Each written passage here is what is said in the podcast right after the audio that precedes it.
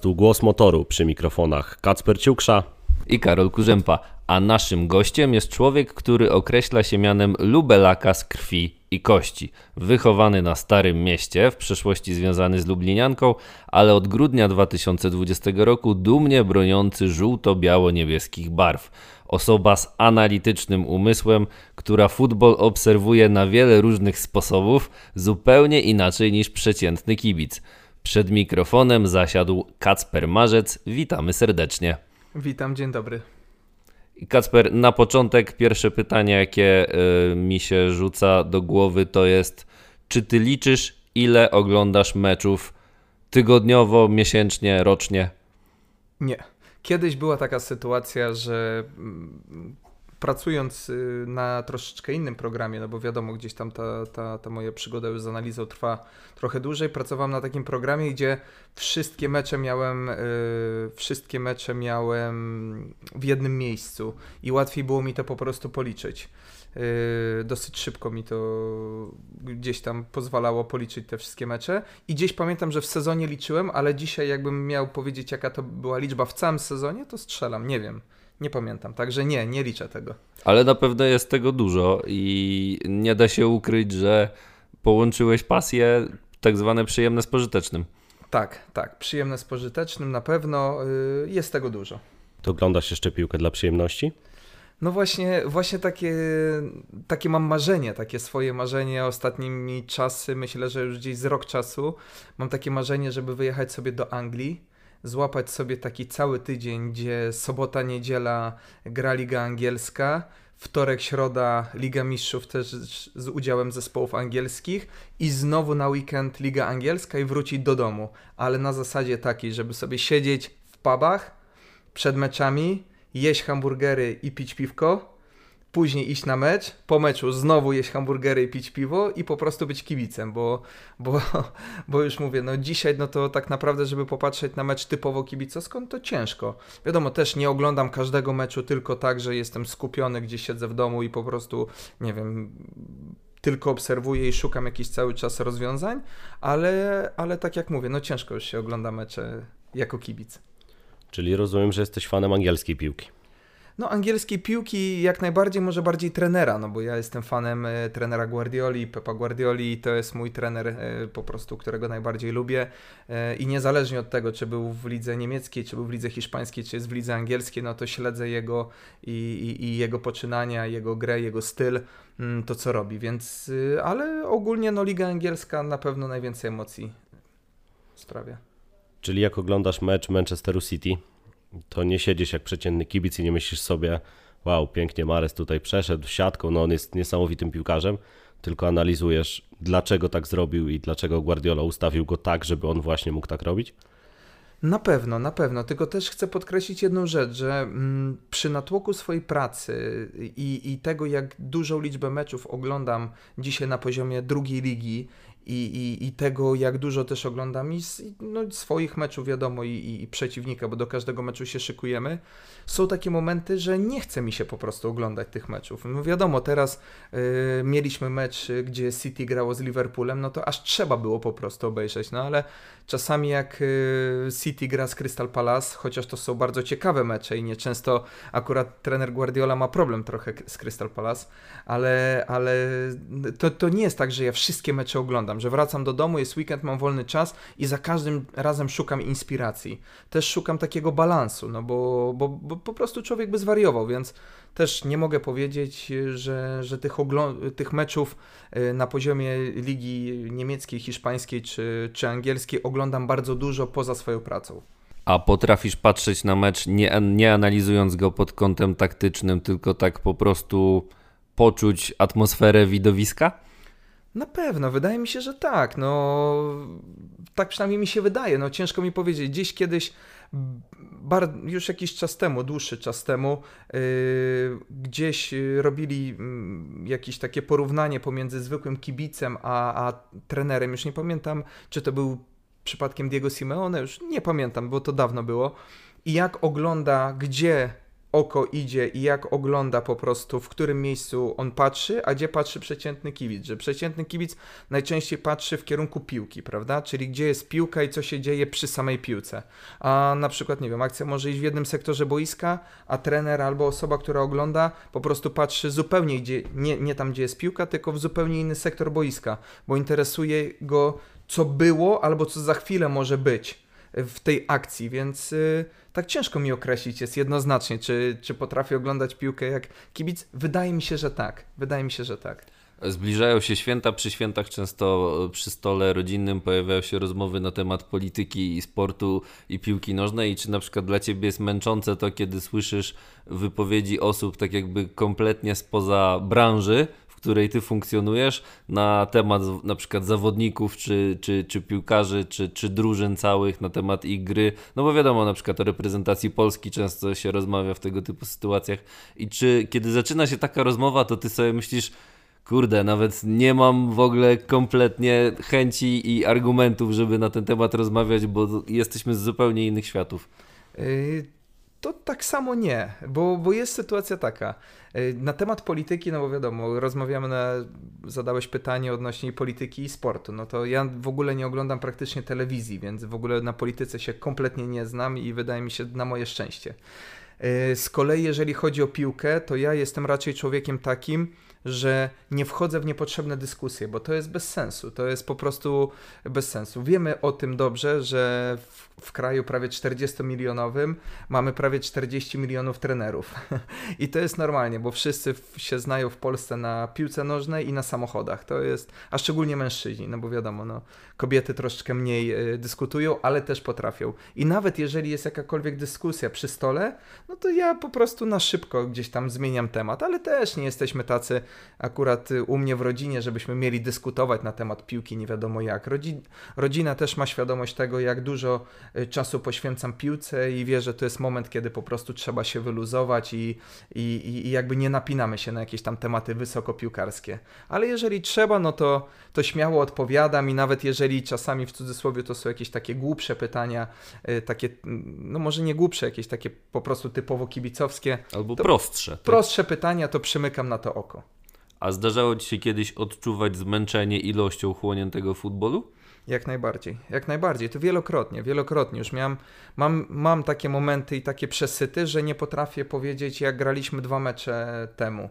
Albo, nie wiem, oglądam jakiegoś przeciwnika, yy, nie wiem, szykowaliśmy się do meczu z Kaliszem, zagraliśmy ten mecz z Kaliszem i, nie wiem, za trzy kolejki ktoś gra z Kaliszem i ktoś mnie pytał Kalisz. Jak gra Kalisz? A ja już nie pamiętam. Ja już nie pamiętam, po prostu tak dużo jest tych meczów, że żeby to odkopać jest to bardzo ciężko, bo ja już nie wiem, za tym Kaliszem już przeszedłem, nie wiem, 15 meczów dalej i zanim sobie przypomnę, to chwilę do tego potrzeba, ale są takie przesyty, są takie momenty, że, że już się, się nie da.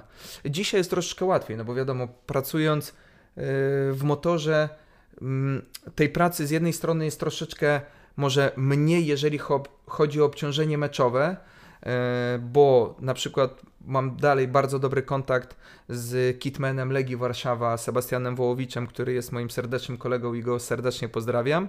I on do mnie powiedział, że Legia Warszawa na jesień, nie chcę skłamać, ale rozegrała chyba 38 spotkań, gdzie my jako motor rozegraliśmy 22 spotkania. To jest prawie dwa razy tyle meczów niż, e, niż my rozegraliśmy.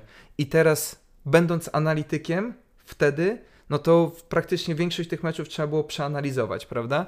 I obciążenie było dużo większe. Dzisiaj praktycznie w motorze pracujemy od soboty do soboty.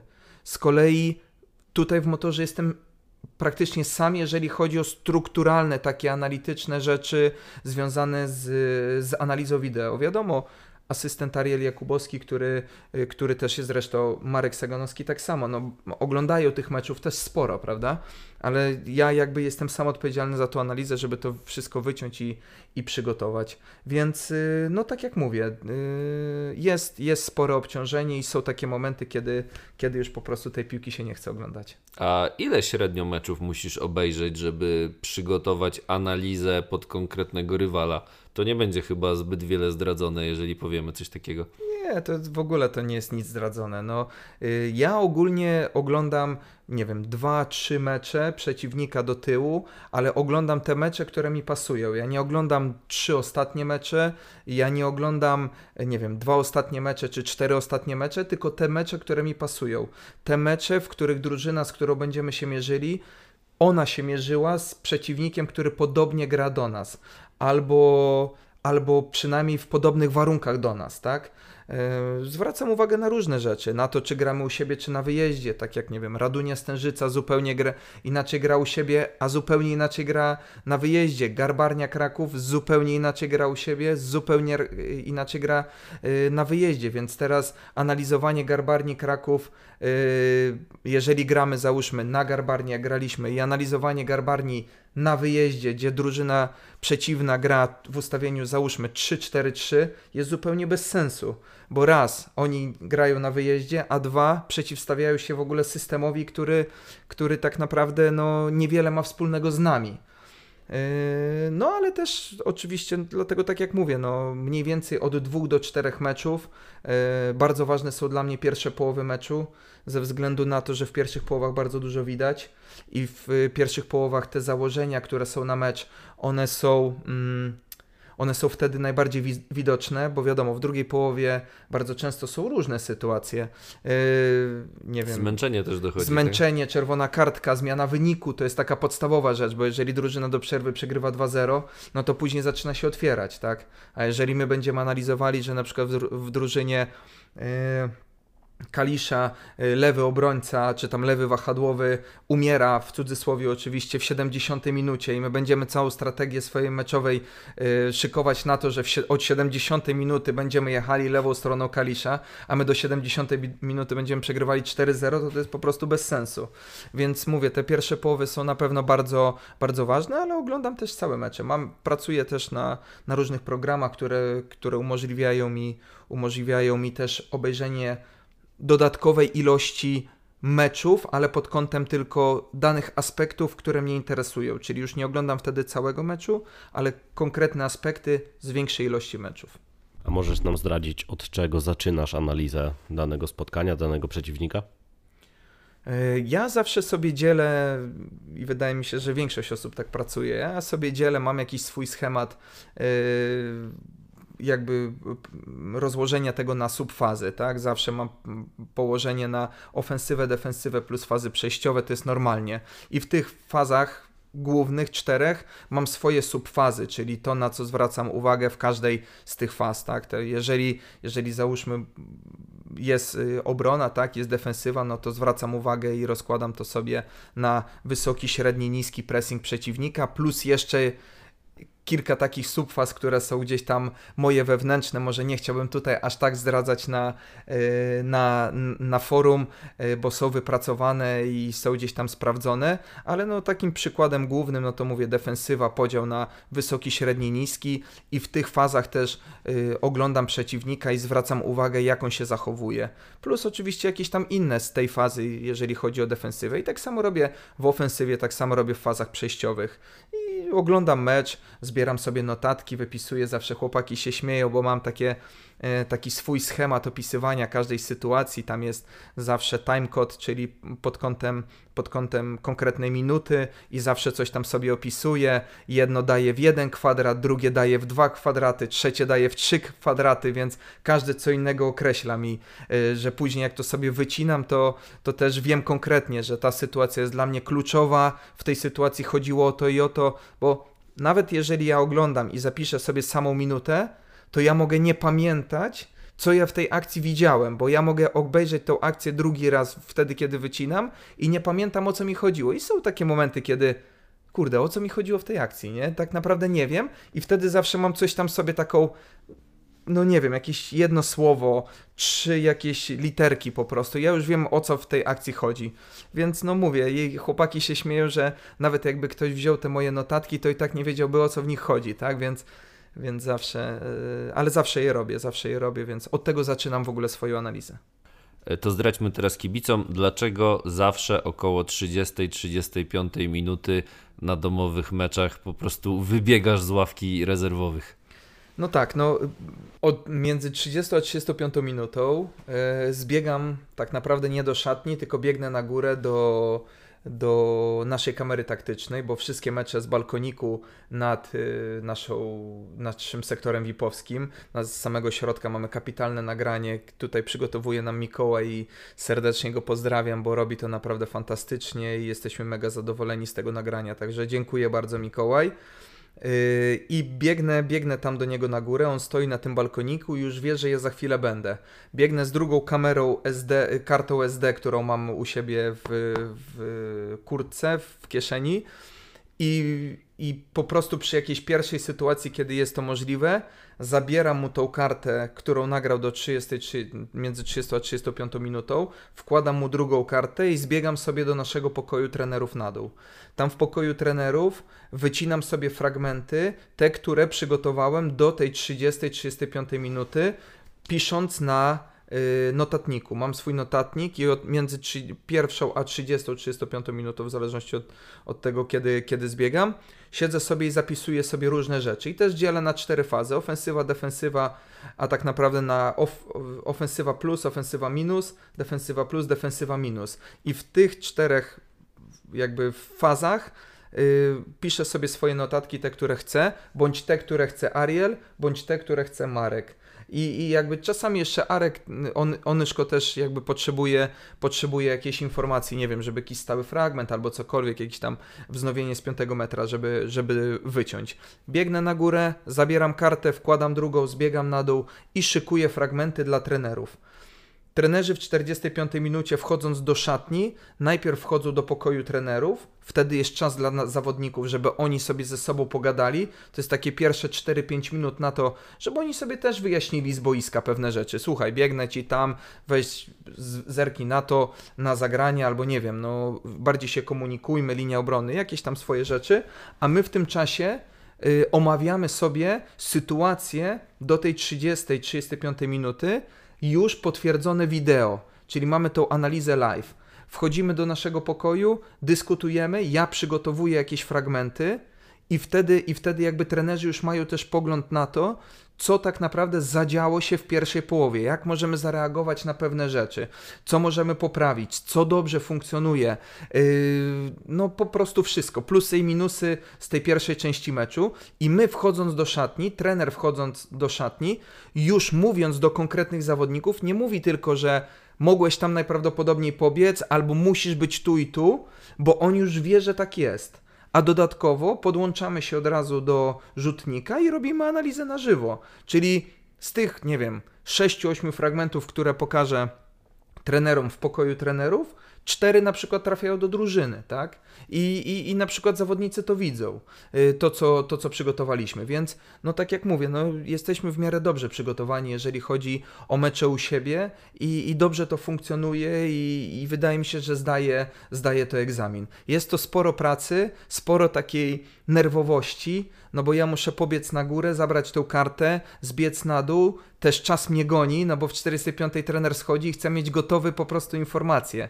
Eee, no ale mówię, no tak to, tak to wygląda i, i, i tak pracujemy. Gorzej jak ty już jesteś na dole i kleisz te swoje materiały i wtedy pada bramka, tak? Bo ty nie masz tak jakby z czego wyciąć wtedy tak, tej bramki. Tak, tylko no w zależności od tego, w zależności od tego yy, jak ważna jest ta bramka, ale, ale tak jak mówię, i tak te 30-30 pierwsze 5 minut, ono jest dla nas kluczowe do tego, co będzie się działo, załóżmy, w drugiej połowie. Więc nawet ta jedna sytuacja, najczęściej, i mam nadzieję, że tak się utrzyma do końca, że to są bramki strzelane dla nas, te, które my strzelamy, one nie mają aż tak wielkiego znaczenia. One są ważne oczywiście, ale nawet teraz, na, nawet tak jak teraz. Graliśmy mecz z Garbarnią, yy, przepraszam, ostatni mecz z Pogonią Grodzisk, yy, prowadziliśmy do przerwy 1-0 i nawet w analizie tej, mimo tego, że miałem to w materiale swoim, nie pokazaliśmy bramki Tomka Kołbona, bo nie było takiej potrzeby.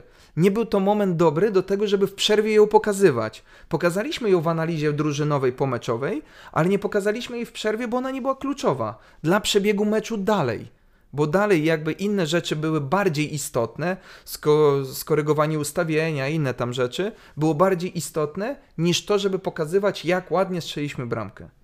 Także, także tak to mniej więcej wygląda. A zdarza się taka sytuacja, że wam najzwyczajniej w świecie zabraknie czasu, że ty zdążysz wyciąć, ale nie zdążycie wszystkiego w te 10 minut powiedzmy zanalizować i wszystkiego zawodnikom przedstawić. No, znaczy nie zdarza się tak, no bo są takie momenty, kiedy na przykład trener stwierdzi, ok, dzisiaj nie wchodzimy z analizą, czyli wchodzimy tylko z gadką po prostu i z tablicą, z plus tam mamy te taktik folie i po prostu rysujemy, marzemy. Ale teraz już co, coraz rzadziej się to zdarza, coraz częściej pokazujemy praktycznie, praktycznie no, w każdym meczu coś pokazujemy. Czy pokazujemy wszystko? Na pewno nie. Czy pokazujemy tyle, ile możemy? No pokazujemy tyle, ile możemy, no bo to wiadomo, no to też wychodzi z doświadczeniem już z jakimś czasem. Ja przychodząc już tutaj do motoru, pracując w Legii, też to robiłem, więc już miałem to doświadczenie większe, jeżeli chodzi o tą analizę na żywo. Moim zdaniem w pracy analityka to też jest jakaś tam sztuka do tego, żeby znaleźć odpowiednie rzeczy, żeby to pokazać. No bo tak jak mówię, nie sztuką jest pokazać bramkę Tomka Kołbona, bo ona nie ma aż tak wielkiego znaczenia, a sztuką na przykład było pokazać, to mówię, to może sobie trochę cukruję, śmiejąc się bardziej do tego, pokazać to, co będzie miał wpływ na drugą połowę, czyli troszeczkę skorygowanie ustawienia. I my skorygowaliśmy to ustawienie w drugiej połowie i było już troszeczkę lepiej. I, i to było ważniejsze niż tam podniecanie się, że prowadzimy 1-0 i, i, i, i ta bramka. Więc no tak jak mówię, ale to nie jest proste. To nie jest proste, bo pamiętam sam jak zaczynałem, jak zaczynałem to robić, mimo tego, że w analizie już trochę pracowałem, to te pierwsze mecze, pierwsze mecze, no nie było to proste. A czy ty od młodych lat miałeś już taki analityczny, taktyczny umysł, bo wiemy, że próbowałeś swojej przygody z piłką, nie do końca wyszło, no i zmieniłeś branżę, znaczy branży nie zmieniłeś, w piłce zostałeś, zmieniłeś trochę profesję.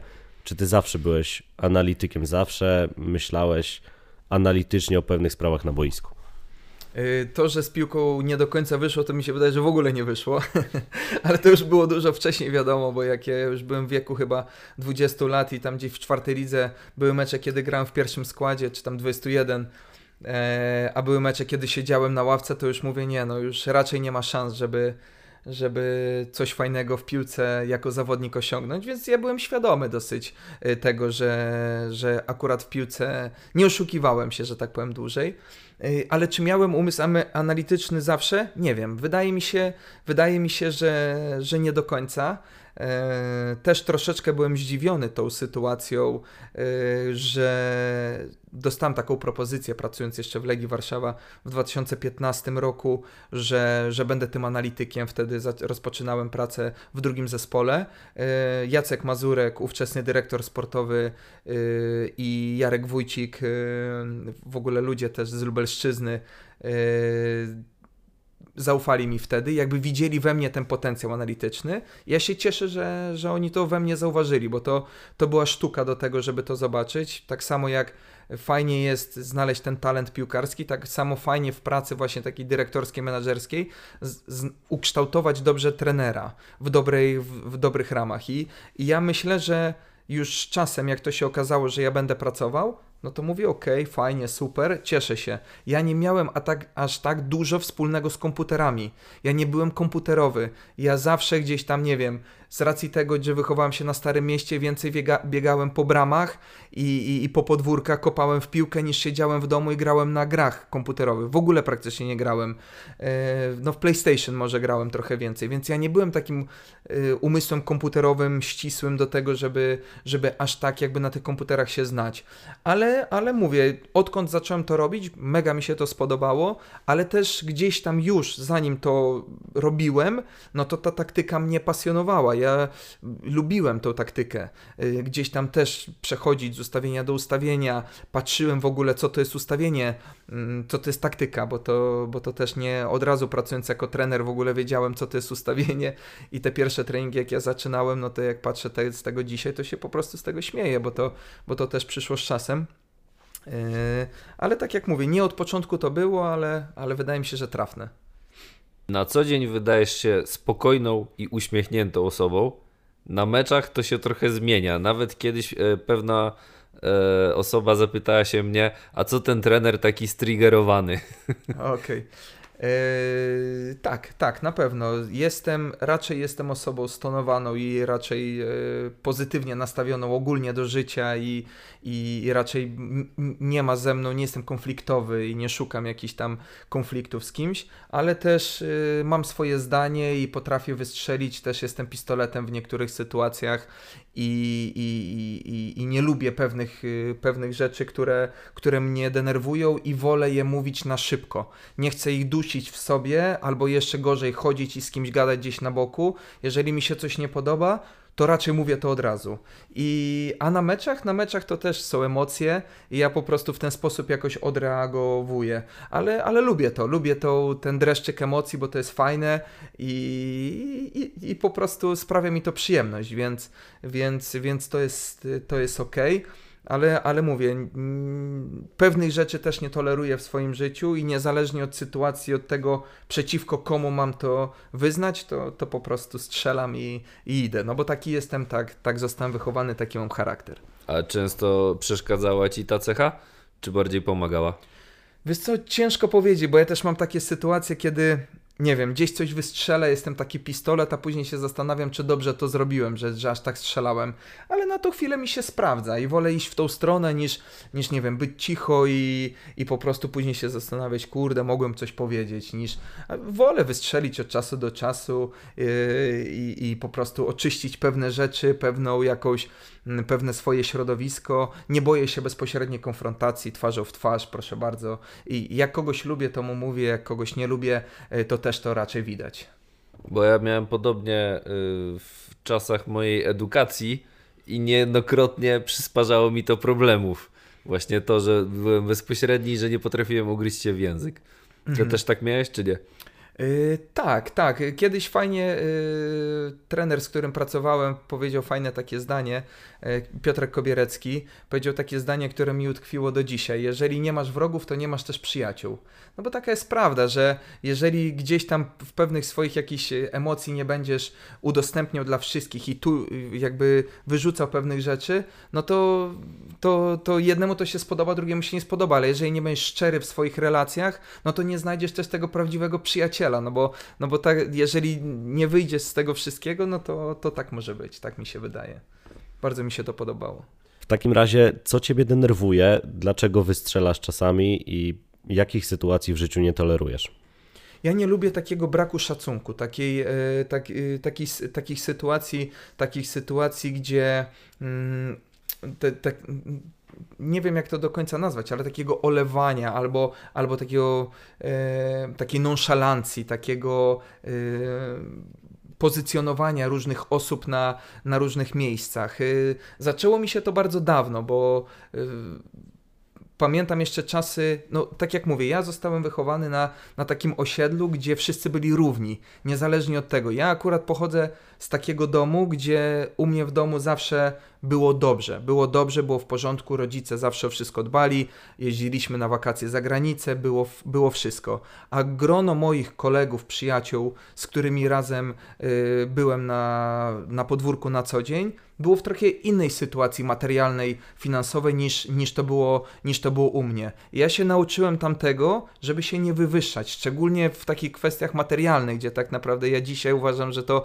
w ogóle nie jest powód do jakiegokolwiek wywyższania się, bo to nie ma żadnego znaczenia, yy, jeżeli chodzi o pieniądze, ale, ale zawsze wszyscy byli równi, z jednym szacunkiem podchodziliśmy do siebie i wszyscy wzajemnie się szanowaliśmy, wspieraliśmy. Oczywiście nie każdy się lubił na jednym poziomie, ale był wzajemny szacunek. Ja nie lubię takiej nonszalancji albo, albo tego, że na przykład, nie wiem, yy, Podam przykład y, trenera Marka Saganowskiego. Dla mnie to jest świetny przykład człowieka, który osiągnął w piłce naprawdę ogromną ilość, ogromną ilość y, tego, te, po prostu jakbym 10% tego osiągnął, co, co Marek, to, to już bym był happy w ogóle, żeby było super. A on przychodząc do nas, dołączając do, do sztabu w 2017 roku, w ogóle nie było czuć, że, że, że przyszedł piłkarz,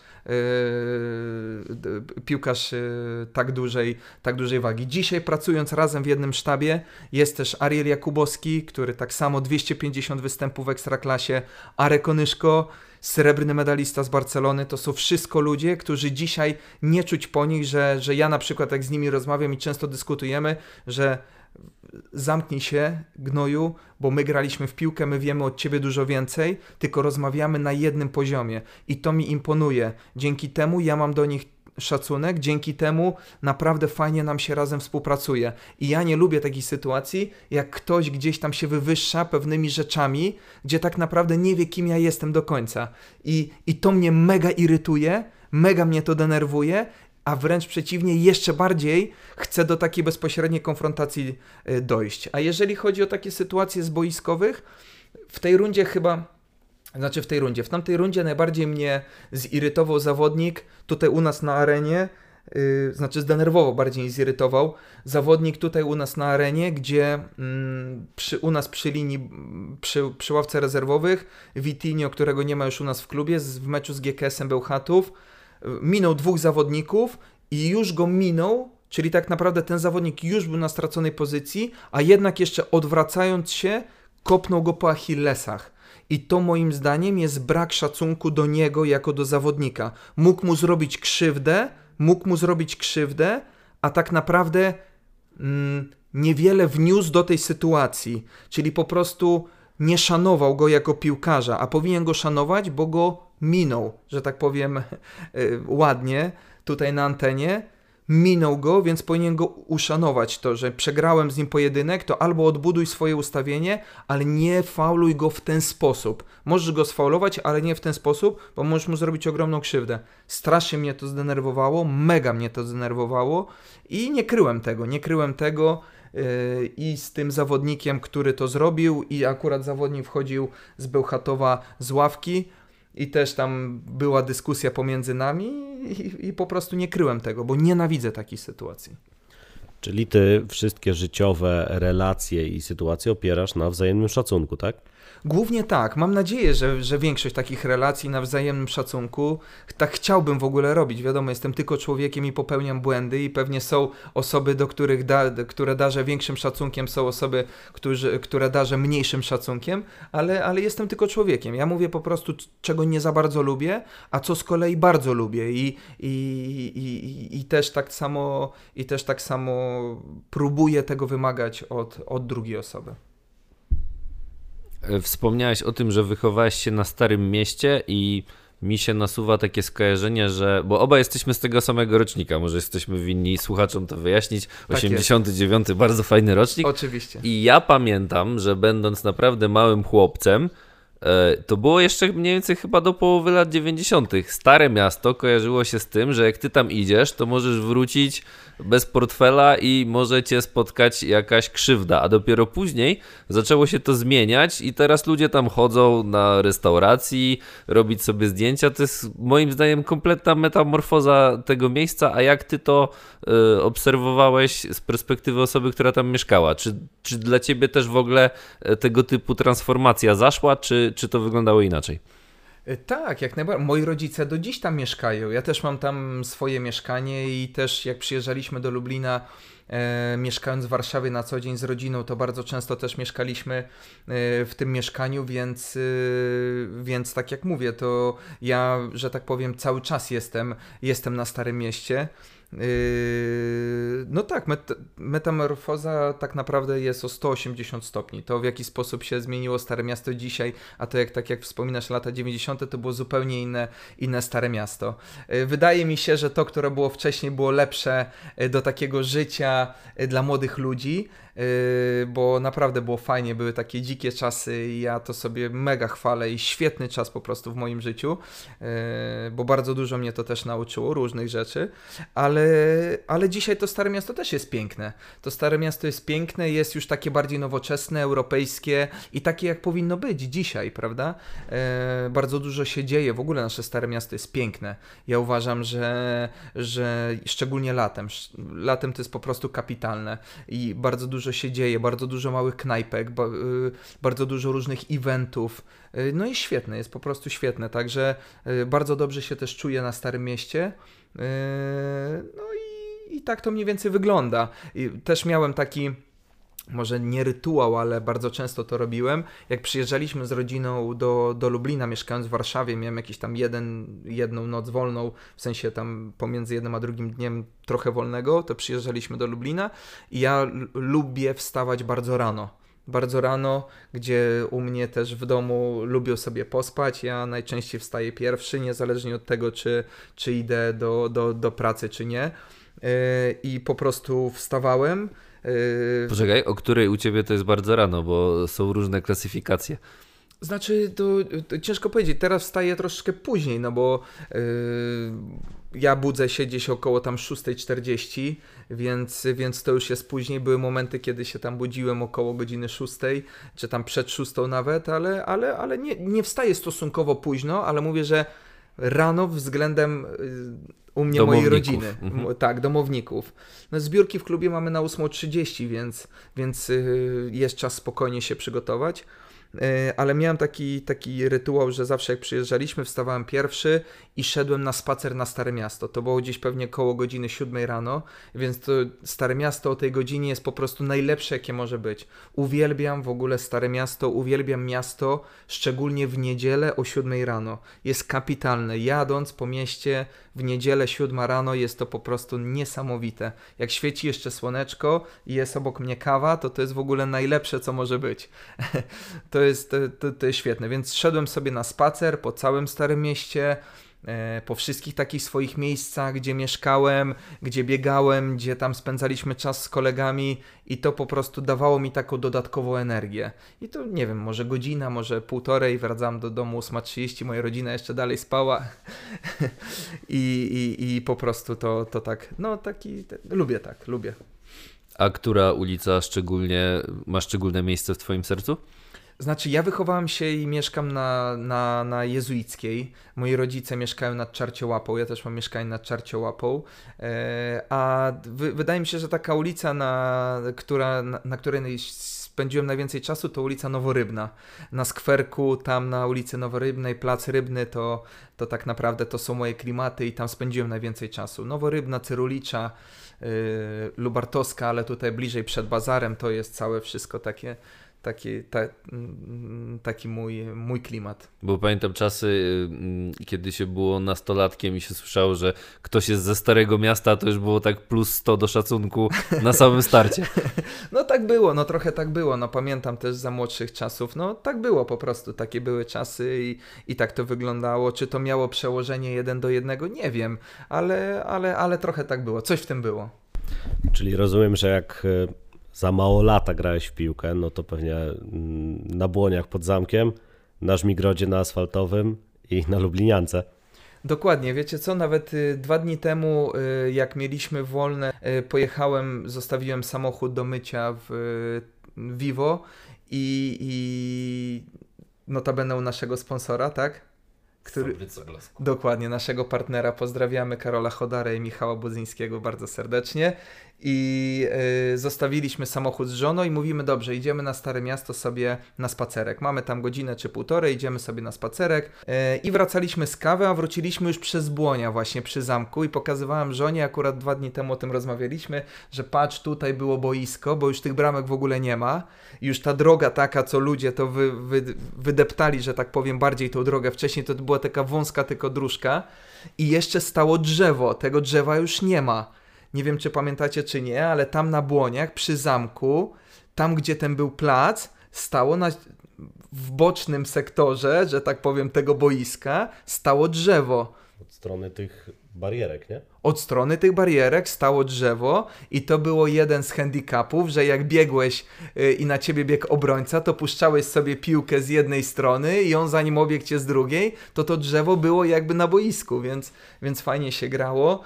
Później do tej, bo tam była jedna taka stalowa bramka, która była wbita na stałe. My zrobiliśmy drugą y, z trzech właśnie desek i zrobiliśmy siatki. Siatki zrobiliśmy z takich jakby worków na ziemniaki. Zwinęliśmy te worki po prostu na igłę i nić, na takie grube i, i zrobiliśmy siatki. To to był rarytas Drugim rarytasem było boisko na Żmigrodzie, asfaltowe, bo tam też były siatki na Żmigrodzie, to tam się kapitalnie grało, bo z kolei na na szkole 12 tutaj przy targu pod zamkiem z tyłu, gdzie teraz jest chyba straż miejska, w ogóle tego boiska już nie ma i, i tam nie było siatek, więc też tam graliśmy i bardzo często tam graliśmy. I tam też z tym boiskiem mam fajną historię, bo jak graliśmy tam z chłopakami, no to bardzo często graliśmy starsi na młodszych. Ale jak to boiska asfaltowe miały do siebie, szczególnie mówię tutaj na, na Starym Mieście, to drużyny nie tak jak dzisiaj są orliki, siedzi człowiek na orliku i po prostu i po prostu bierze się od niego piłkę, znaczniki, czapeczki, co chcesz, po prostu masz wszystko, to kiedyś określało się jedną drużynę od drugiej, pamiętacie czym? Z koszulkami albo bez. Dokładnie, z koszulkami albo bez, nie? I jak grałeś na Starym Mieście, Lub- na, na boiskach asfaltowych, no to po prostu było tak, że grałem ze starszymi kolegami, kiedyś zabrał mnie właśnie kolega ode mnie z ulicy, zabrał mnie ze starszymi kolegami, no i ja jako małolat coś tam potrafiłem na tle tych zawodników, tych kolegów, z którymi graliśmy, no i wiadomo, wszedłem w jakiś tam dribbling, ja byłem w drużynie bez koszulek, uderzył mnie bark w bark, oczywiście poleciałem 17 metrów i po tym żwirze jak się szarpnąłem, to później jak do domu wróciłem, to do dziś czuję jak mnie boli, jak mama mi wyciągała ten żwir spod barku, łokcia, gdzieś tutaj boku, bo to wszystko było na wodzie utlenionej, no ale tak było, takie były czasy i to było też, też fajne. To jak wspomniałeś o tym właśnie, że te siatki to był rarytas, to tak mi się skojarzyło, że to była prawdziwa magia, będąc dzieciakiem, że możesz zagrać na boisku, gdzie są bramki z siatkami. Tak. Co teraz dla pewnie dla młodych ludzi jest w ogóle nie do pomyślenia, że komuś to mogło jakąkolwiek radość sprawiać. A to jeszcze sam fakt, że jak uderzysz mocno, to nie musisz ganiać po piłkę nie wiadomo gdzie, że ona gdzieś nie poleci. No jak ona wpadała do tej siatki, to to wyglądało jak w telewizji, prawda? Tak jest, tak I jest. to też No było takie magiczne. Tak, tak, to było magiczne, dokładnie, to było magiczne. Po prostu uderzenie piłki do bramki z siatku było czymś magicznym za, za dzieciaka. Pamiętam później już było boisko takie pierwsze w Lublinie ze sztuczną nawierzchnią. Wiadomo, to dzisiaj to, to, to jest jakiś dywan, a, a kiedyś było ze sztuczną nawierzchnią i to było na naukowskich, na boisku tam na 30 na szkole. To było takie większe boisko. I my jeździliśmy z chłopakami, jeździliśmy na takie mecze międzyosiedlowe. Pamiętacie, to były mecze międzyosiedlowe.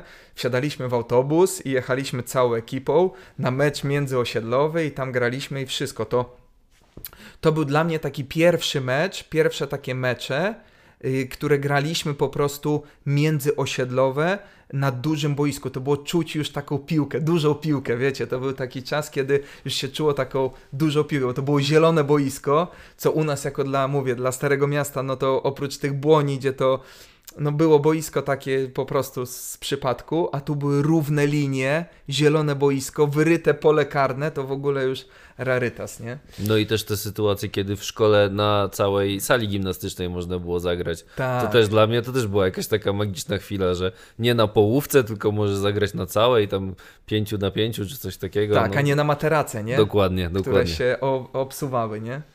A czy jak wychowałeś się na Starym Mieście, to zjeżdżałeś na sankach obok lwa? Oczywiście, oczywiście. To było tak naprawdę jedyne miejsce, gdzie można było, gdzie można było pozjeżdżać, z tego co ja pamiętam.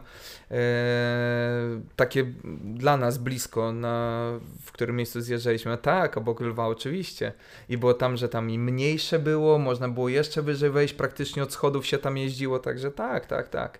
Jak najbardziej. Ja bym tak teraz e, chciał odbić od wychowania i miejsca, w którym się wychowałeś i zapytać, co ty lubisz robić w wolnym czasie? A widzisz, a to jest bardzo dobre pytanie, bo ja ostatnio też z żoną rozmawiałem, że ja nie mam ta- czegoś takiego, takiej pasji poza piłkarskiej.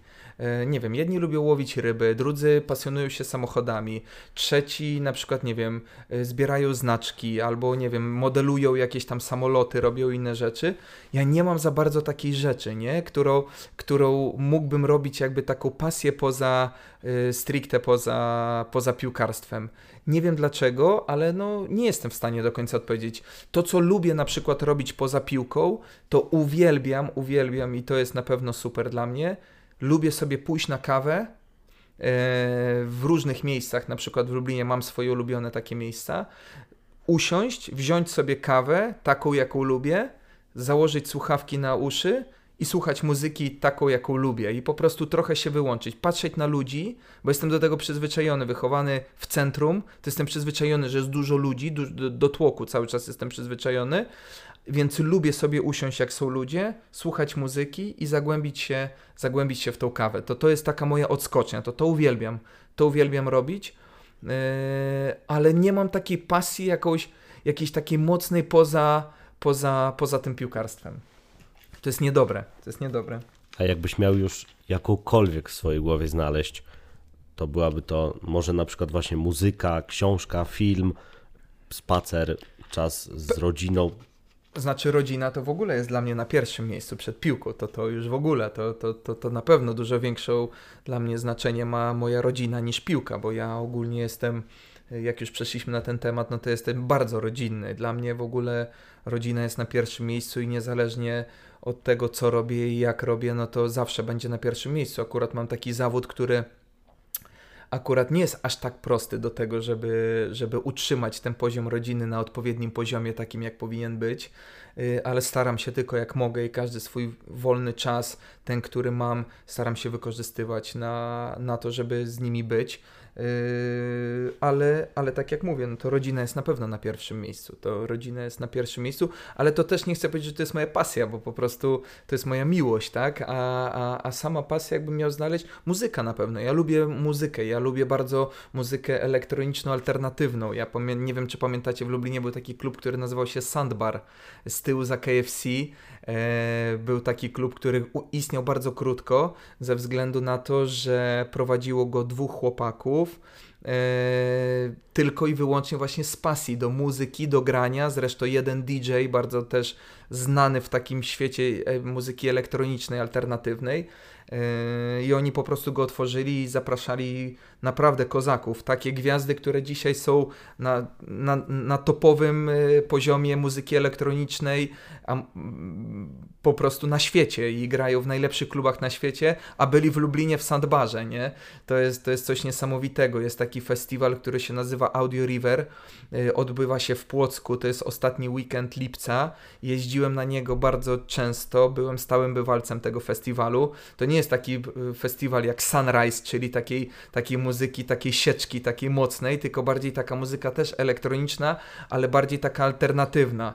Mm, która bardziej mi odpowiada, więc na pewno lubię dobrą muzykę, lubię dobrą muzykę, ale lubię też muzykę klasyczną, lubię e, swój ulubiony koncert mam Stinga, miałem taki moment, ostatnio trochę od tego odszedłem, może już z rok czasu, może troszeczkę krócej. Kiedyś analizowałem mecze słuchając koncertu Stinga z Berlina z 2000 bodajże 9 roku z, z orkiestrą. Kapitalny koncert w ogóle z Berlina. Słuchałem go, nie wiem, może z 200 razy. Znam go na pamięć po prostu piosenka po piosence, ale bardzo mnie uspokajał i tonował moje emocje, więc mówię, taki no muzyka na pewno też jest moją jakąś tam pasją. No lubię dobrą muzykę. Wspomniałeś, że lubisz spacerować i nie spacerujesz zawsze sam, bo oczywiście zdarza ci się z rodziną, ale też chyba masz jakichś czworonożnych przyjaciół. Tak, tak. Mam, mamy dwa, dwa psy, bulldogi francuskie, e, FIFA i Masza. FIFA w tym roku w czerwcu bodajże skończy 8 lat a Masza w, we wrześniu skończy dopiero rok, bo y, Alisa, moja córka, zamarzyła sobie y, drugiego pieska i Mikołaj przyniósł jej na 6 grudnia właśnie tego drugiego buldożka, także są we dwie teraz.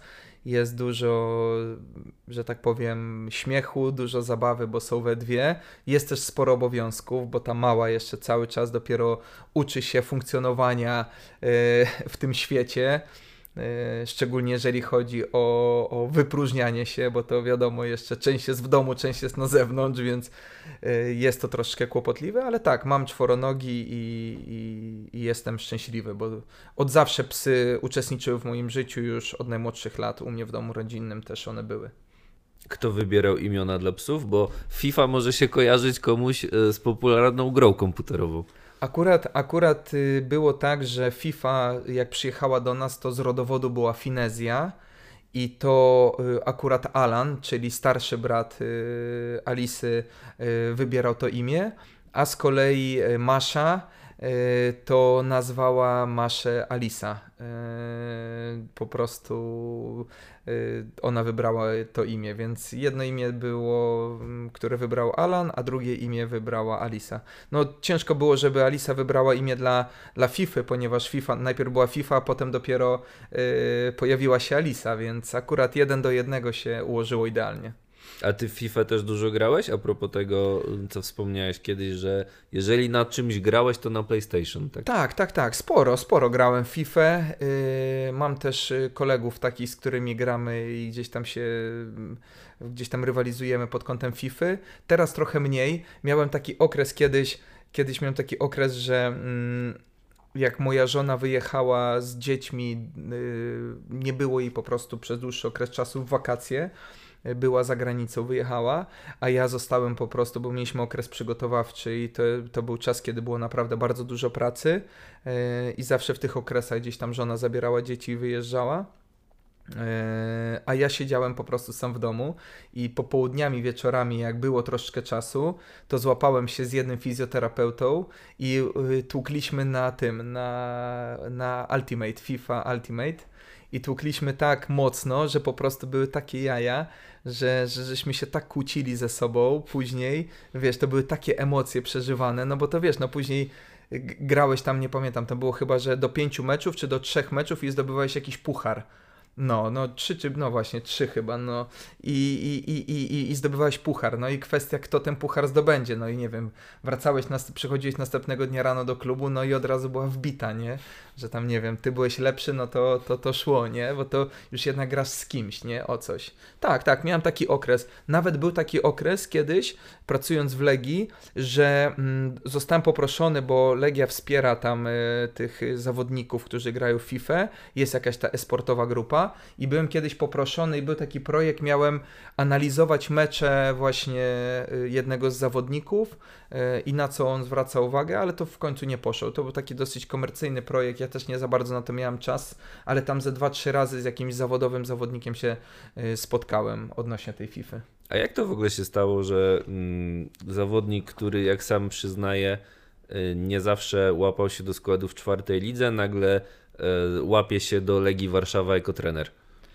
No dokładnie, to ja powiem tak, moja droga to, to, to by trzeba było w ogóle zacząć od początku, bo moja droga się rozpoczęła w 2009 roku. Była sytuacja taka, że ja skończyłem, dałem sobie spokój już z kopaniem w piłkę nożną i no i tak mówię, no dobra, coś wiadomo, studiowałem jeszcze na Wyższej Szkole Społeczno-Przyrodniczej i mówię, no coś, a nie, chyba jeszcze wtedy na na UMC się, już nie pamiętam, jakiś tam początek. Yy, I, I mówię, no dobra, no to okej, okay, nie gram, nie kopię w tą piłkę, no to coś tam, coś, coś sobie wymyślę. Nie, I nie, nie minęły ze 3-4 miesiące i odezwał się do mnie kolega, z którym cały czas mamy bardzo dobry kontakt yy, i zapytał mnie, mówi, słuchaj, na czubach będziemy, próbujemy otworzyć sobie klub piłkarski, zorganizować sobie klub piłkarski a tam z kolei mieszkał były zawodnik motoru Lublin i też mój kolega z Lublinianki, który na tamten moment w cudzysłowie zrezygnował z piłki nożnej, Paweł Myśliwiecki.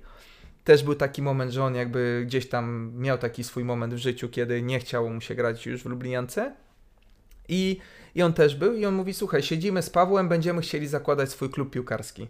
Co ty na to, bo Paweł podsunął taką y, pomysł, żeby założyć, żebyście wy wspólnie założyli go, no bo wy tam kopaliście sobie w tą piłkę, więc wiecie dużo więcej i może byśmy tam zrobili jakieś treningi, zorganizowali coś, zebrali chłopaków i zgłosili klub do B-klasy.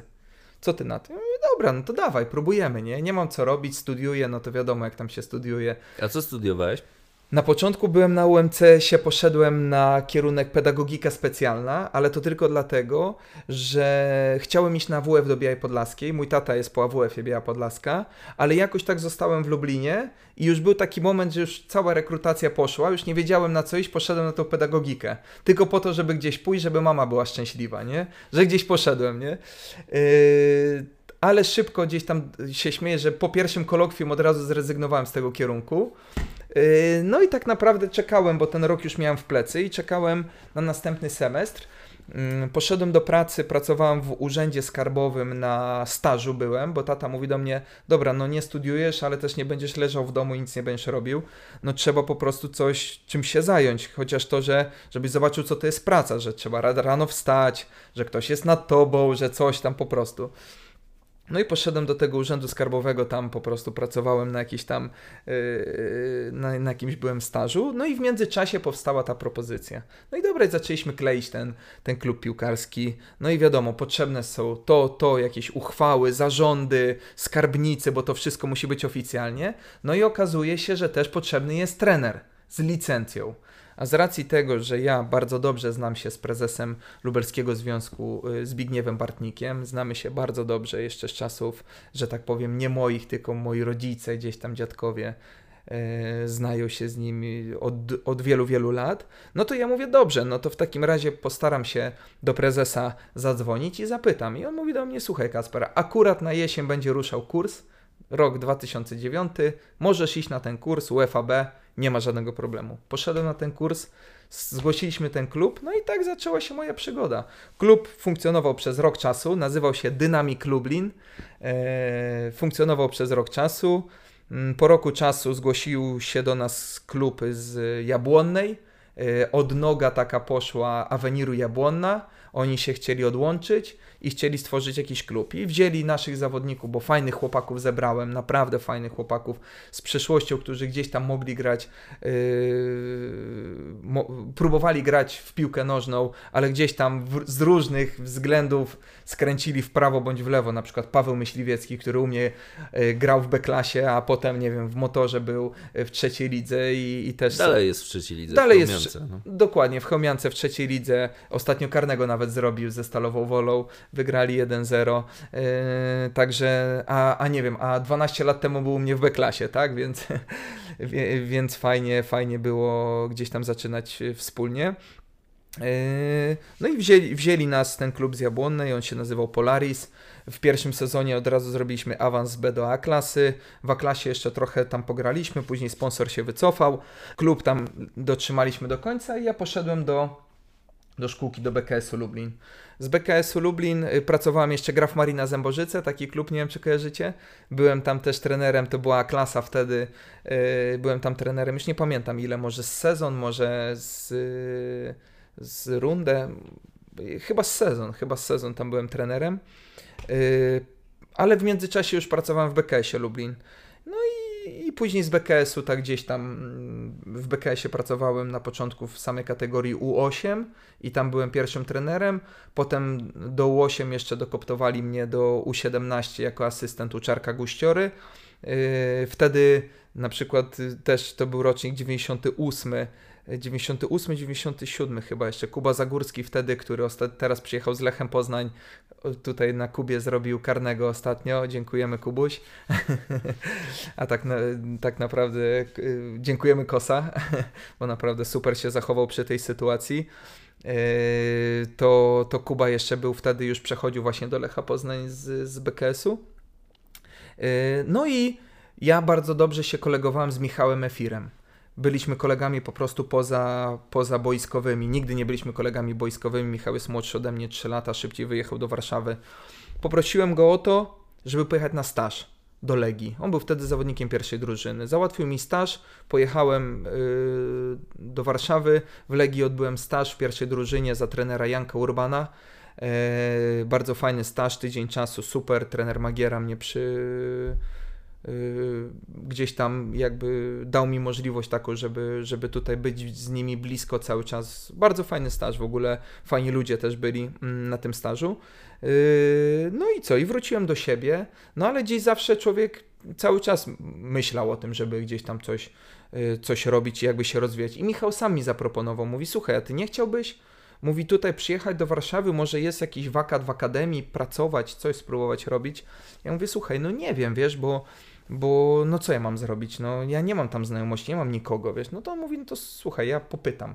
No i była taka sytuacja, że był taki na Torwarze, jak to wiesz, przypadek, a tak naprawdę to nie przypadek. Na Torwarze było takie szkolenie duże, ono było co roku y, cyklicznie szkolenie dzieci i młodzieży na świecie.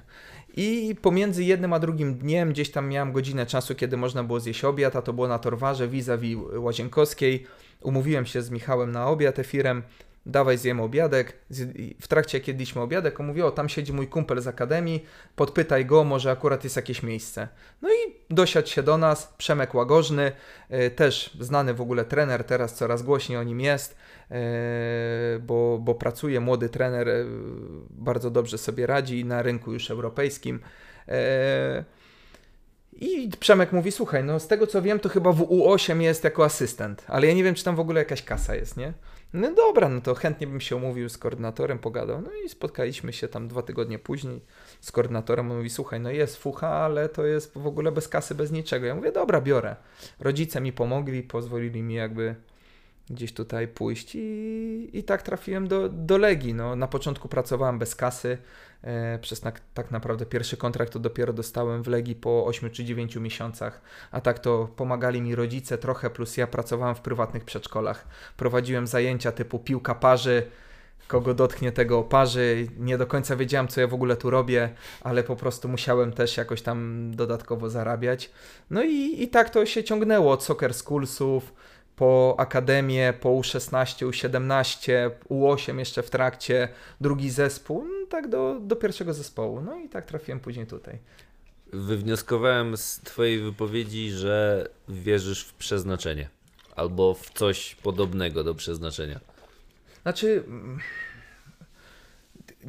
nie wiem, wierzę, wierzę w siebie, wierzę w siebie, wierzę w jakąś tam ciężką pracę, bo, bo tak jak mówię, no wszystko praktycznie co, co osiągnąłem, to wypracowałem sobie sam, bo tak jak mówię, to, że dzisiaj przychodząc do motoru Lublin i taka osoba, y, taki piłkarz, były już piłkarz, taki trener jak Marek Saganowski bierze mnie do Lublina Kacpra Marca, po prostu kompletnego no-name'a, no to to to, to, to ja dzisiaj mogę się bronić tylko i wyłącznie pracą, niczym innym. On, no, no taka jest prawda. Pracując dzisiaj z takimi osobami, dużo ciężej jest dojść komuś, kto nie grał w piłkę, yy, komuś, kto po prostu gdzieś tam e, nie był na tym świeczniku piłkarskim, e, wejść do sztabu, współpracując, pracując w dużym klubie przez dłuższy okres czasu w, na, na, na niezłym poziomie, to wchodzi się po prostu głównie pracą, tak? Wiadomo, że gdzieś tam ten początek i to, co powiedziałem, że Michał Efir e, dał mi tą możliwość do tego, żeby, nie wiem, pogadać z Przemkiem, który dał mi możliwość pogadać z, z tym koordynatorem obecnym, ale wszystko inne było wypracowane pracą. I ja uważam, że, że praca, cierpliwość, yy, no i to też chęć dążenia, tak? Pozytywne myślenie i ta wizualizacja. To jest coś takiego. Kończymy naszą część rozmowy i przechodzimy teraz do pytań od widzów, którym bardzo dziękujemy za wszystkie nadesłane pytania do Kacpra. E, cieszymy się, że tworzycie z nami wspólnie ten program i zawsze bierzecie w nim czynny udział. No i zaczniemy teraz od pytania od Karola, a brzmi ono. Jak w przyszłości będzie wyglądał dział analityczny pod szyldem motoru Lublin, składający się na pierwszą drużynę, akademię i drużyny młodzieżowe? Jak to będzie obudowane? Fajne pytanie, bo ja jakby kontynuując tą, tą rozmowę dalej, w 2015 roku, to co już wspominałem wcześniej, yy, gdzieś tam zostało mi zaproponowane to, żeby pracować właśnie jako analityk, wtedy drugiego zespołu, a w 2016 roku też jako koordynator działu analizy, czyli ja jakby można powiedzieć, że tworzyłem dział analizy w Akademii y, Legii Warszawa. To ode mnie tak naprawdę się to zaczęło. Y, nie byłem pierwszym analitykiem na, poziomu na poziomie drugiego zespołu, bo pierwszym był Rafał Kubów, który pracował w sztabie Jacka Magiery, ale potem ja już byłem tym następnym analitykiem, ale ja tworzyłem ten dział y, Akademii, więc no i tak nieskromnie mówiąc, no to naprawdę dobrze pracowaliśmy. To z, tak naprawdę z, z, jednej osoby, którą byłem ja, później stworzył się dział, w którym było kilkanaście osób. Nie wszystkie były na umowach, ale też bardzo dużo, większość tych osób to byli stażyści, którzy pracowali za wiedzę, za jakiś tam sprzęt, za mecze, bilety, możliwość przyjścia na stadion ze swoimi znajomymi kolegami, ale głównie za wiedzę i za klimat. I to było fajne.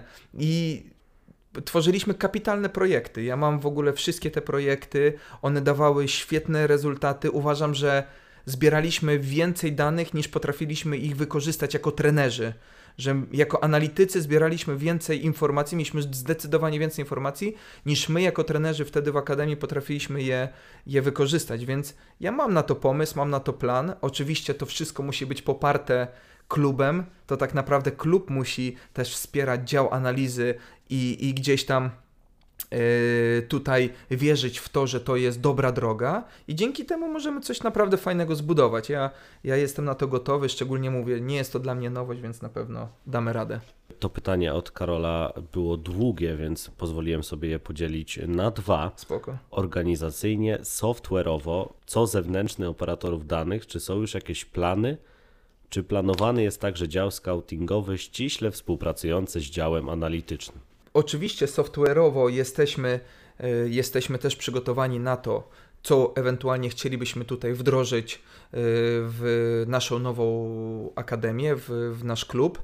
E, Tak samo mówię, jeszcze miałem tą możliwość w, współuczestniczyć w budowie y, tego ośrodka Legia Training Center i tam byłem odpowiedzialny za wdrożenie całego okamerowania na wszystkich boiskach treningowych, na wszystkich, plus adaptację software'u polskiej firmy, która jakby do dziś współpracuje tutaj y, z klubem Legia Warszawa i, i wiem, że chłopaki są zadowoleni. Z dnia na dzień y, firma, firma robi postępy, bo to był startup, chyba dalej jest startup, który się rozwija i tak naprawdę daje już bardzo dobre możliwości do tego, więc uważam, że my jako motor możemy pójść tą samą drogą i mieć z tego korzyści. I tak jak mówię, jesteśmy na to przygotowani już moje doświadczenie też w tych wszystkich yy, obszarach jest na tyle duże, że spokojnie sobie poradzimy i mam nadzieję, że będzie to dobrze poukładane. Jeszcze jedno pytanie od Karola. Czy w aktualnym teamie analitycznym potrzebna jest pomoc? Gdzie można wysłać CV? Znaczy, pomoc w dziale analizy jest zawsze, no tak jak mówię, no wszystko w zależności od tego, jakie mamy możliwości, tak? Szczególnie tutaj finansowe, ale tak jak mówię, pracując nawet w poprzednim klubie, nie wszyscy zarabiali pieniądze, ale wszyscy dostawali wiedzę naprawdę dużą, naprawdę dużą. Ja wychodzę z tego założenia, że to jest coś fajnego, bo tak jak powiedziałem Wam wcześniej, ja przychodząc do Legii w grudniu, 1 grudnia 2013 roku pierwszą pensję, normalną pensję, bo tam w Soccer Schoolsach jakieś tam były groszowe tematy po prostu do pomocy w tych dzieciakach, ale taką normalną pensję, e, już taką pełnoprawną, kontraktową, e, dostałem, dostałem 1 sierpnia 2014 roku, czyli praktycznie 9 miesięcy byłem bez pieniędzy z klubu, ale dzięki, ale bardzo dużo czasu poświęciłem na pracę, na wiedzę, to był świetny okres w moim życiu i ja uważam, że, że coś można dać od siebie i dopiero coś brać. A widzę, że tak w Polsce jest różnie i no mówię już, nie chcę określać samego środowiska, ale mówię, jeżeli ktoś ma ochotę, proszę wysyłać do mnie na maila, mogą chłopaki podać mojego maila i, i, i śmiało proszę o wysyłanie CV. Chyba podamy tego maila w opisie, więc jeśli ktoś y, chciałby się do Kacpra odezwać, Śmiało. to śmiało. Znaczy, no tak jak mówię, ja też uważam, że oczywiście za swoją pracę powinieneś dostać jakieś tam mm, coś dostać, tak? Mhm. No i kwestia teraz co? Jeżeli tobie pasuje, że dogadujemy się na, na to, że będziesz miał fajną wiedzę, masz możliwość pracowania w największym klubie w Lublinie, yy, nie wiem, jeżeli uważasz, że ta wiedza, którą my posiadamy jest wartościowa, gdzieś ktoś coś był, gdzieś widział, coś, coś, coś osiągnął i to jest fajne, żeby właśnie poświęcić ten czas, przełożyć go zamiast płacić za staże, wyjazdy i inne rzeczy, można poświęcić to tutaj, no to okej, no to ja to uważam, że też, bo też nie, nie lubię czegoś takiego, żeby to był wyzysk, tak? Czyli słuchaj, my jesteśmy Motor Lublin, ty masz przyjść, zrobić swoją robotę i się zawijaj, tak? Ja mówię, my, ja organizowałem szkolenia, organizowałem szkolenia z analitykami wtedy pierwszej drużyny, bo ja pracowałem w drugiej drużynie, plus byłem koordynatorem akademii. Przychodzili do mnie analitycy z pierwszej drużyny, robiliśmy z nimi eventy. Oni byli zapraszani na jakieś tam, nie wiem, wszystkie szkolenia, które były organizowane na, na stadionie na Łazienkowskiej, też mieli za darmo. Myślę, że obopólna korzyść z wieloma tymi ludźmi. Mam dzisiaj kontakty, nawet pracują w klubach ekstraklasowych dzisiaj jako analitycy, jak Norbert Onuocha, y, który jest analitykiem Wisły Płock. Tak samo zaczynał u mnie. Marcin Zając, który pracuje u nas w klubie jako trener, też był, też y, jakby współtworzył dział analizy Legii Warszawa i też pomagał za darmo tak samo, więc Piotrek Parchan, który dzisiaj jest analitykiem pierwszego zespołu Legii Warszawa w sztabie Aleksandra Wukowicza, też zaczynał jako stażysta i przez półtorej roku nie miał żadnych pieniędzy. Dzisiaj jest w pierwszej drużynie Legii Warszawa. No, mi się wydaje, że, że to się opłaca, nie? Ale każdy ma swoją drogę. Pytanie od Piotra. Czy masz czasem wrażenie, że całe te mozolne analizy idą na nic za sprawą przypadkowych wydarzeń na boisku? Oczywiście, jak najbardziej.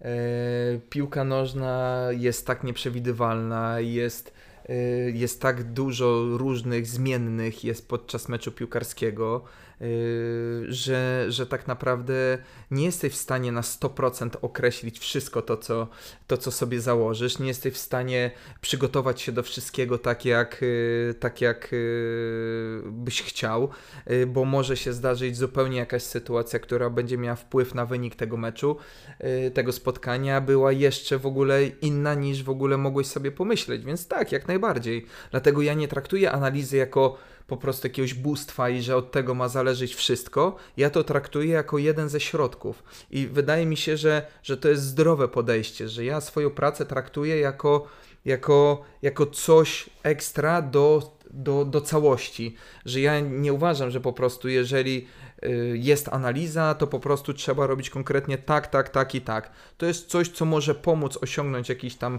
cel, ale nie jest to coś, co dzięki czemu jakby możemy to osiągnąć, tak? Czas na pytania od Marcina i pierwsze z nich brzmi: czy trudne jest bycie trenerem w aspekcie życia rodzinnego?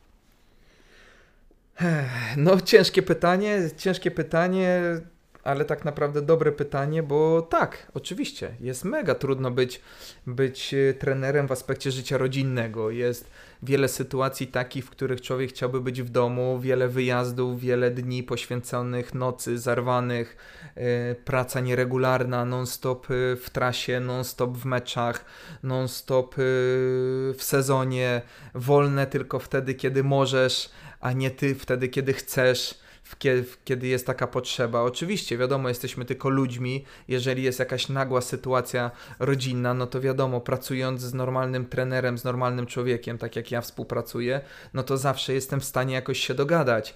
Ale, ale tak jak mówię, no życie rodzinne na pewno kuleje, na pewno kuleje i, i to nie jest nic fajnego. Ja patrzę ze swojego punktu widzenia, gdzie dla mnie rodzina jest po prostu najważniejsza. Ja uważam, że to nie jest nic fajnego. E, no i na, długo, na dłuższą metę nie jest to wcale takie proste.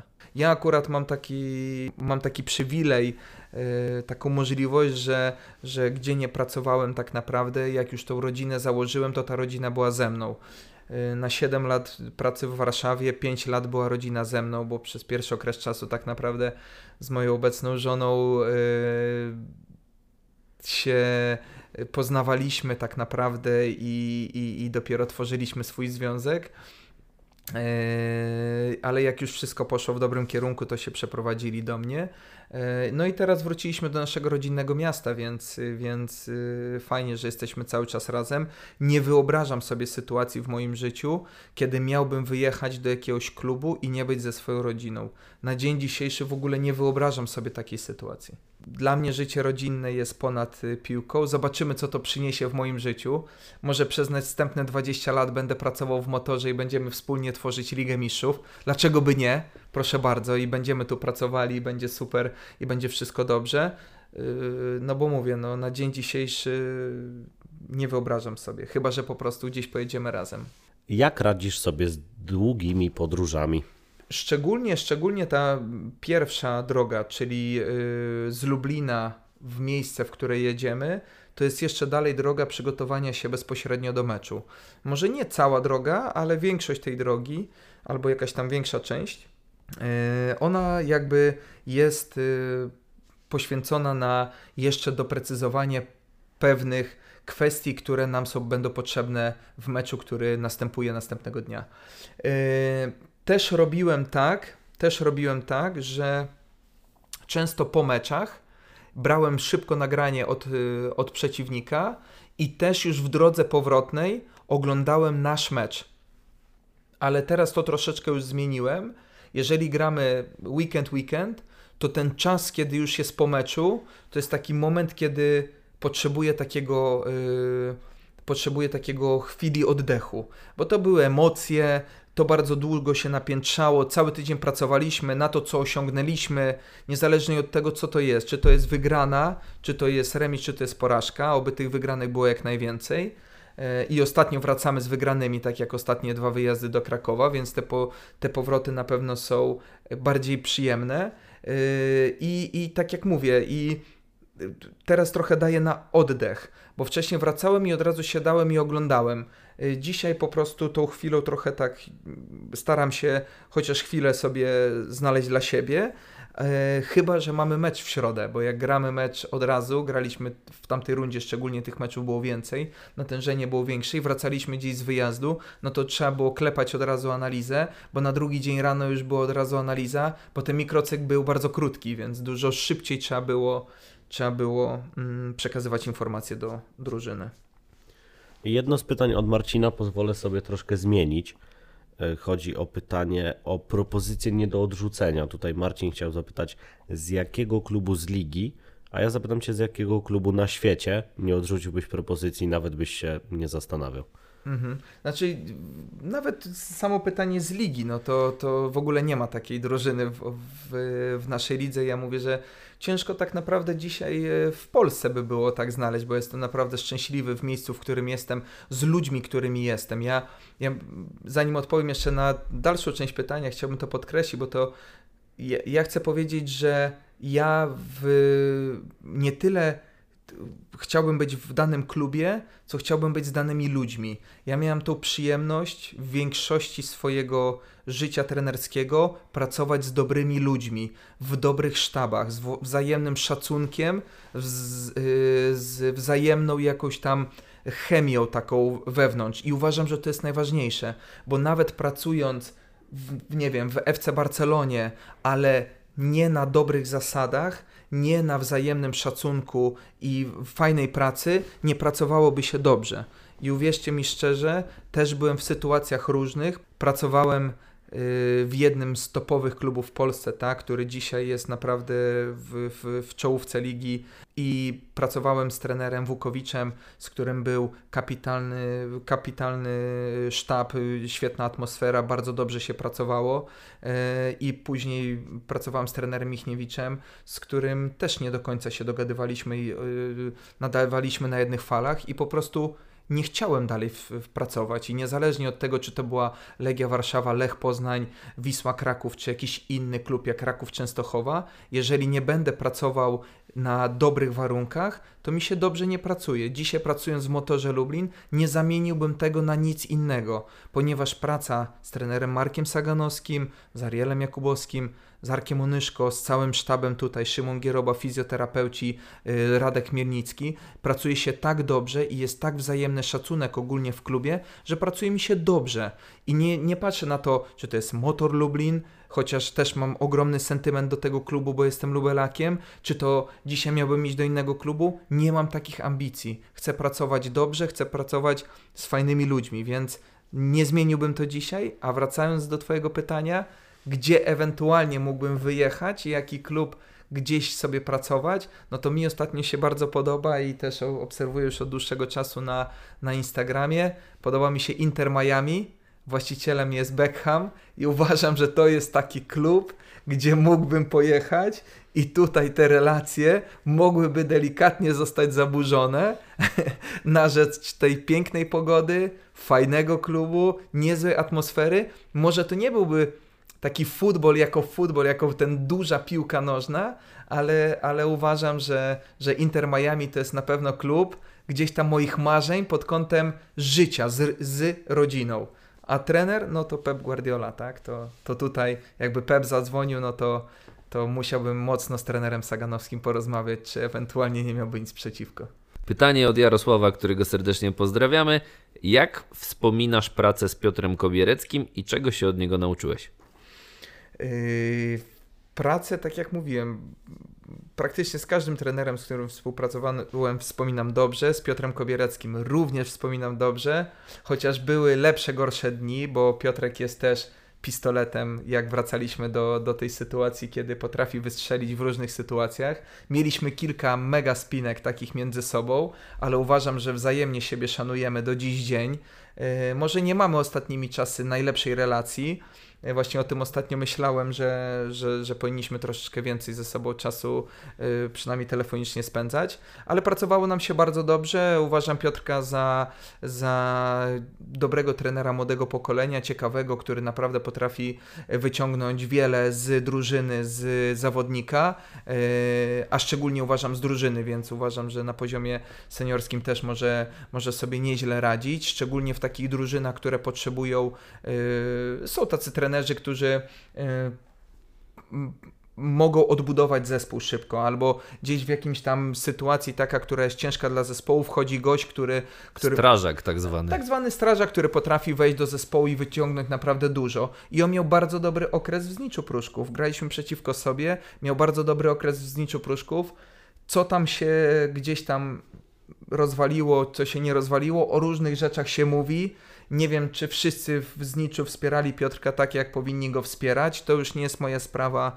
Ja, ja tylko mogę domniemać, ale miał naprawdę fajną serię, chyba pięciu albo sześciu zwycięstw z rzędu. To naprawdę jest imponujące jak na klub Znicz Pruszków. Coś tam później nie zagrało, dosyć szybko został Yy, został usunięty. Na szybko, żeby coś znaleźć, czego się od niego nauczyłem, to ciężko powiedzieć. Yy, na pewno takiej determinacji i E, podchodzenie do każdego przeciwnika jak do mistrza świata. Piotrek był mistrzem w tym, żeby do każdego przeciwnika podchodził z kimkolwiek nie graliśmy, zawsze on znalazł jakieś mocne strony u tego przeciwnika i zawsze je tak uwypuklał, tak jakbyśmy grali z Manchesterem City. Rozumiesz? Czy czasami mi się wydawało, że te mecze, nie wiem, z jakimś tam zniczem Biała Piska albo inne, bo pracowaliśmy razem na poziomie drugiej drużyny Legii Warszawa, czyli trzeci poziom, e, trzecia liga yy, trzecia liga i tam były niektóre kluby takie, że już to czasami wydawało mi się śmieszne, ale on tak konsekwentnie dążył do tego, żebyśmy razem realizowali to wszystko, żeby to było naprawdę na, na takim wysokim poziomie i nie podchodził nonszalancko do każdego przeciwnika i, i ja to szanuję, ja to szanuję jak najbardziej. A mieliśmy jeszcze fajną drogę w Pucharze Polski, bo doszliśmy do ćwierćfinału, gdzie odpadliśmy, czy tam do jednej jednej ósmej, już nie pamiętam, co, do jednej ósmej chyba, co odpadliśmy z Piastem Gliwice, graliśmy na Ząbkach, przegraliśmy 2-0, chyba Gerard Badia dwie bramki strzelił. Też ciekawa droga, także fajnie. Pytanie od użytkownika Kariulnat. Panie Kacprze, mhm. która restauracja spod szyldu Bombardino panu bardziej smakuje i dlaczego? Y, ja z racji tego, że, że jestem bliżej tutaj do botaniku, y, to Bombardino Botanik, tam mi dużo bardziej pasuje logistycznie, ze względów logistycznych i tak naprawdę jest fajna obsługa, bardzo miła i, i, i tam jest mi bliżej po prostu. Pozdrawiam serdecznie cały bo, Bombardino Botanik, całą obsługę, bo, bo naprawdę są mega w porządku. I jedzenie też jest bardzo dobre. Teraz przechodzimy do ostatniej części naszej rozmowy, a będzie nią ankieta. My będziemy zaczynali zdanie, a ty będziesz je kończył. I pierwsze zdanie brzmi: W dzieciństwie byłem. Byłem bardzo niegrzeczny. Gdybym nie był trenerem, to. Nie wiem. Może podróżowałbym po świecie. Największe szczęście daje mi. Rodzina. Porażki znoszę bezproblemowo. Moim ulubionym filmem jest. O, mam ich kilka, ale z ostatnich czasów no to może być y, King Richard. Jest Troja na pewno, jest na pewno yy, ten film z Bradley Cooperem i tą i Lady Gagą, który jest Narodziny dla, Gwiazdy. Narodziny Gwiazdy. No nie wiem, takie, takie tam ósma mila, czy coś tam, te, te wszystkie jakieś tam, czy tam te zielone mile, czy jak to tam, ósma mila z Eminemem, zielona mila, czy tam... Z Tomem Hanksem była zielona mila, no. Tak, y, czy tego, nie wiem, co, co mogę dać. A, no to już kilka wymieniłeś, wystarczy. Dobra, okej. A seriale też oglądasz, czy nie? Seriale oglądam. El Chapo na pewno, na pewno Narcos, na pewno Sunderland Till I Die, dwie serie, na pewno y, All or Nothing o Manchesterze City, Tottenhamie też oglądam, chociaż City w ogóle amazing. E, To jest w ogóle takie dla mnie to sztos. Mój ulubiony zespół muzyk to? Sting. Książka, która najbardziej zapadła mi w pamięć to Sekret autorstwa Rondy Byrne. Największy świr w szatni to? Kuba Kosecki. Moim przedmeczowym rytuałem jest W zależności od tego, czy gramy u siebie, czy na wyjeździe. to powiedzmy, że teraz gramy na wyjeździe, a za minutkę u siebie. Czyli najpierw mówię na wyjeździe, tak? Tak. To na wyjeździe na pewno słucham muzyki, mam swoją taką szczególną piosenkę, którą słucham przed każdym meczem. A E, zdradzisz nam tytuł? Aerosmith. Dream On. A u siebie? U siebie od jakiegoś czasu no to zakładam zawsze bluzę motoru. Teraz. Teraz mam taki, ale nie mam jakiś tak, nie jestem jakiś tam taki z rytuałami, jakiś taki mocny. Najbardziej denerwuje mnie. Brak szacunku do drugiego człowieka. Moim największym marzeniem jest Zwiedzenie całego świata. Po meczu lubię. Wrócić do domu. najwięcej zawdzięczam Swojej rodzinie. Chyba znam odpowiedź na to pytanie, ale je zadam. Moje ulubione miejsce w Lublinie to? Stare miasto. swoją drugą połówkę poznałem A to ciekawa historia. Yy, Bo tak naprawdę poznaliśmy się, Julia, moja żona, y, pracowała, znaczy pracowała, ja pracowałem w BKS-ie Lublin, a ona swojego syna przyprowadzała na treningi. Ale nie byliśmy razem, nie byliśmy razem jeszcze wtedy, ale później się spotkaliśmy w klubie w czekoladzie, na imprezie. Yy, No to chyba będzie na imprezie. Popisowe danie mojego autorstwa to? Nic, nie wiem, y, jajecznice albo kanapki, nic więcej nie potrafię zrobić. Gdybym miał pewność, że usłyszy mnie cały świat, to powiedziałbym. Szkoda czasu na pracę. To my nie tracimy czasu i kończymy dzisiejszy program. Bardzo Ci, Kacper, dziękujemy za obecność. Y, Dziękuję bardzo, pozdrawiam wszystkich kibiców i zapraszam na mecze, żeby nam pomagać y, z trybun, kibicować, bo Wasze wsparcie jest dla nas mega istotne, potrzebujemy Was, także zapraszamy serdecznie, pogoda jest coraz lepsza, więc y, mam nadzieję, że kibiców będzie też jeszcze więcej.